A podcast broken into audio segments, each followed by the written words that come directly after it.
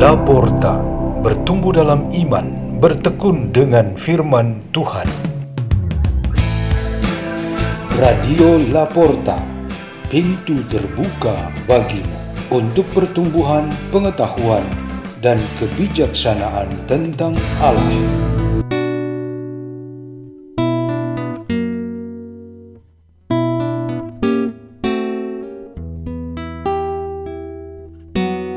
Bacaan dan Renungan Sabda Tuhan Hari Sabtu Hari Biasa Natal 7 Januari 2023 Dibawakan oleh Pastor Peter Tukan SDP dari Komunitas Salesian Bosco Gerak 8 Pajo Keuskupan Ruten Indonesia.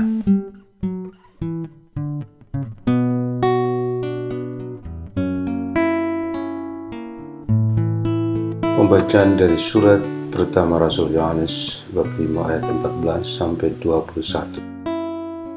Saudara-saudaraku terkasih, inilah sebabnya kita berani menghadap Allah, yaitu karena Ia mengabulkan doa kita.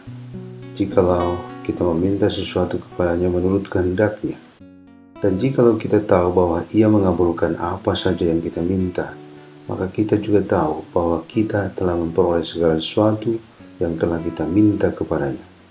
Kalau ada orang melihat saudaranya berbuat dosa, yaitu dosa yang tidak mendatangkan maut, hendaklah ia berdoa kepada Allah, maka Allah akan memberikan hidup kepadanya, yaitu kepada dia yang berbuat dosa yang tidak mendatangkan maut itu. Ada dosa yang mendatangkan maut, dan tentang ini tidak aku katakan bahwa ia harus berdoa. Semua kejahatan adalah dosa, tetapi ada dosa yang tidak mendatangkan maut. Kita tahu bahwa setiap orang yang lahir dari Allah tidak berbuat dosa, tetapi Dia yang lahir dari Allah melindungi orang itu, dan si jahat tidak dapat menjamahnya. Kita tahu bahwa kita berasal dari Allah, dan seluruh dunia berada di bawah kuasa si jahat. Akan tetapi kita tahu bahwa Anak Allah telah datang dan telah mengaruniakan pengertian kepada kita, supaya kita mengenal yang benar. Sungguh kita berada di dalam yang benar di dalam anaknya Yesus Kristus. Dia adalah Allah yang benar dan kehidupan yang kekal. Anak-anakku, waspadalah terhadap segala berhala. Demikianlah sabda Tuhan.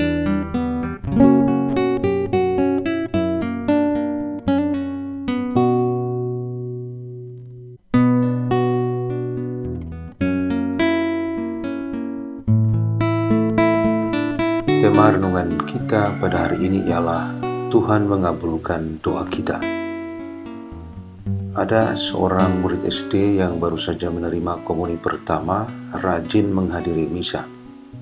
Letak rumahnya dekat dengan gereja, maka ia menghadiri misa harian.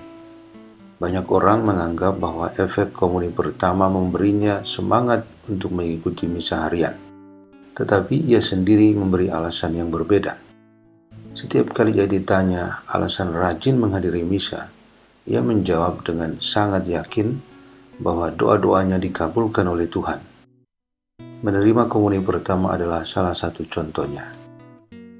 Mungkin banyak dari kita kurang menyadari sungguh-sungguh bahwa alasan kita senantiasa berdoa kepada Tuhan Allah dalam aneka jenis wujudnya ialah karena kita percaya bahwa Tuhan mengabulkan doa-doa kita. Jika misalnya ada orang yang tidak percaya akan kemurahan Tuhan untuk mengabulkan doa-doa manusia, mungkin saja orang tersebut tidak ingin berdoa dan menyampaikan syukur kepada Tuhan. Seharusnya orang-orang beriman tidak hilang kepercayaannya bahwa Tuhan mengabulkan doa-doa mereka. Surat pertama Rasul Yohanes dalam bacaan pertama hari ini menguatkan keyakinan orang-orang beriman ini – yaitu bahwa mereka beriman akan kemurahan dan kehendak Tuhan yang mengabulkan doa-doa mereka. Syarat paling pertama agar doa orang-orang beriman dikabulkan oleh Tuhan seharusnya iman itu sendiri. Orang yang bersifat peragu dan pesimis merupakan orang yang berada dalam cobaan. Ia harus waspada supaya dirinya tidak berkembang menjadi seorang yang tidak percaya. Jadi ia harus berubah menjadi orang yang punya keyakinan dan berserah kepada Tuhan. Ada seorang pastor paroki menasihati orang-orang muda yang sedang mengikuti satu sesi pembinaan bahwa selalu berdoa atau banyak berdoa merupakan syarat agar dikabulkan oleh Tuhan. Hal ini memang sesuai dengan yang dikatakan oleh kitab suci tentang meminta maka diberi, mengetuk maka pintu dibukakan, mencari maka menemukan. Dari Injil Matius bab 7 ayat 7 sampai 8. Jadi kita harus berdoa dan terus berdoa supaya Tuhan mengabulkan kita. Sebaliknya, jika kita jarang berdoa atau tidak pernah berdoa, pengabulan atau jawaban terhadap kita tidak akan terjadi. Ada syarat lain lagi supaya doa-doa kita dikabulkan oleh Tuhan, yaitu cara hidup kita yang menghindari diri dari dosa dan kejahatan. Ketika kita menyesali kesalahan dan dosa, kemudian kita mendapat pengampunan lalu bertobat, hendaknya kita bersungguh-sungguh untuk tidak berbuat dosa lagi. Doa orang-orang yang tidak berdosa akan sangat berkenan kepada Allah. Doa mereka sangat berguna bagi diri mereka sendiri dan bagi banyak orang yang memerlukan.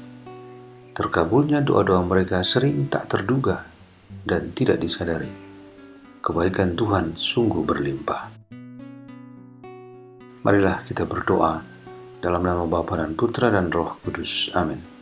Ya Tuhan, kabulkanlah doa-doa kami, meskipun ungkapan doa kami tidak sempurna dan kami lebih banyak menuntut daripada memasrahkan diri kami kemuliaan kepada Bapa dan Putra dan Roh Kudus, seperti pada permulaan, sekarang, selalu, dan sepanjang segala abad. Amin.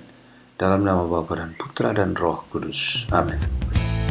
Radio Laporta, pintu terbuka bagimu.